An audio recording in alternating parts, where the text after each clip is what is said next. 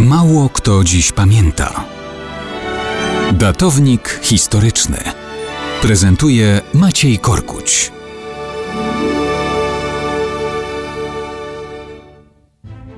Mało kto dziś pamięta, że 29 września 1938 roku w Monachium doszło do ustaleń, które brytyjski premier następnego dnia ogłosił kompromisem ratującym pokój na całe jedno pokolenie.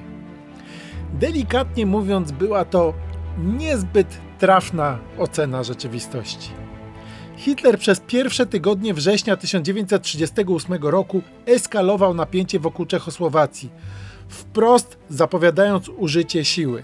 Francuzi i Anglicy szybko uznali, że odstąpienie przez Czechów Rzeszy wszystkich terenów zamieszkałych przez ponad 50% Niemców uratuje sytuację.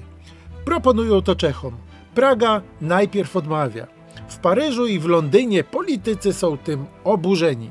Zapowiadają, że Czesi pozostaną osamotnieni. W takiej sytuacji władze czeskie szybko miękną.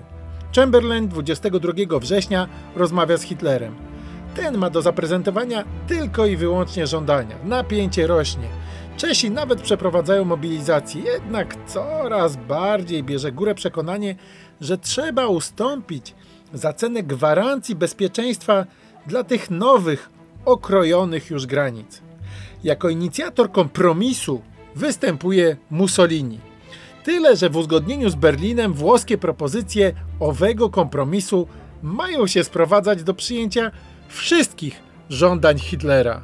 I w ten sposób 29 września dyskusja przywódców Włoch, Niemiec, Francji i Wielkiej Brytanii bez udziału zainteresowanych Czechów doprowadziła do tego niby kompromisu.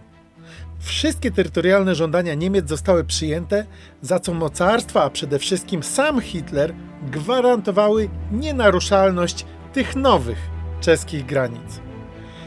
Nie minął miesiąc, kiedy jeszcze w październiku 1938 roku Hitler nakazał przygotowania do zajęcia całej reszty pomniejszonego państwa.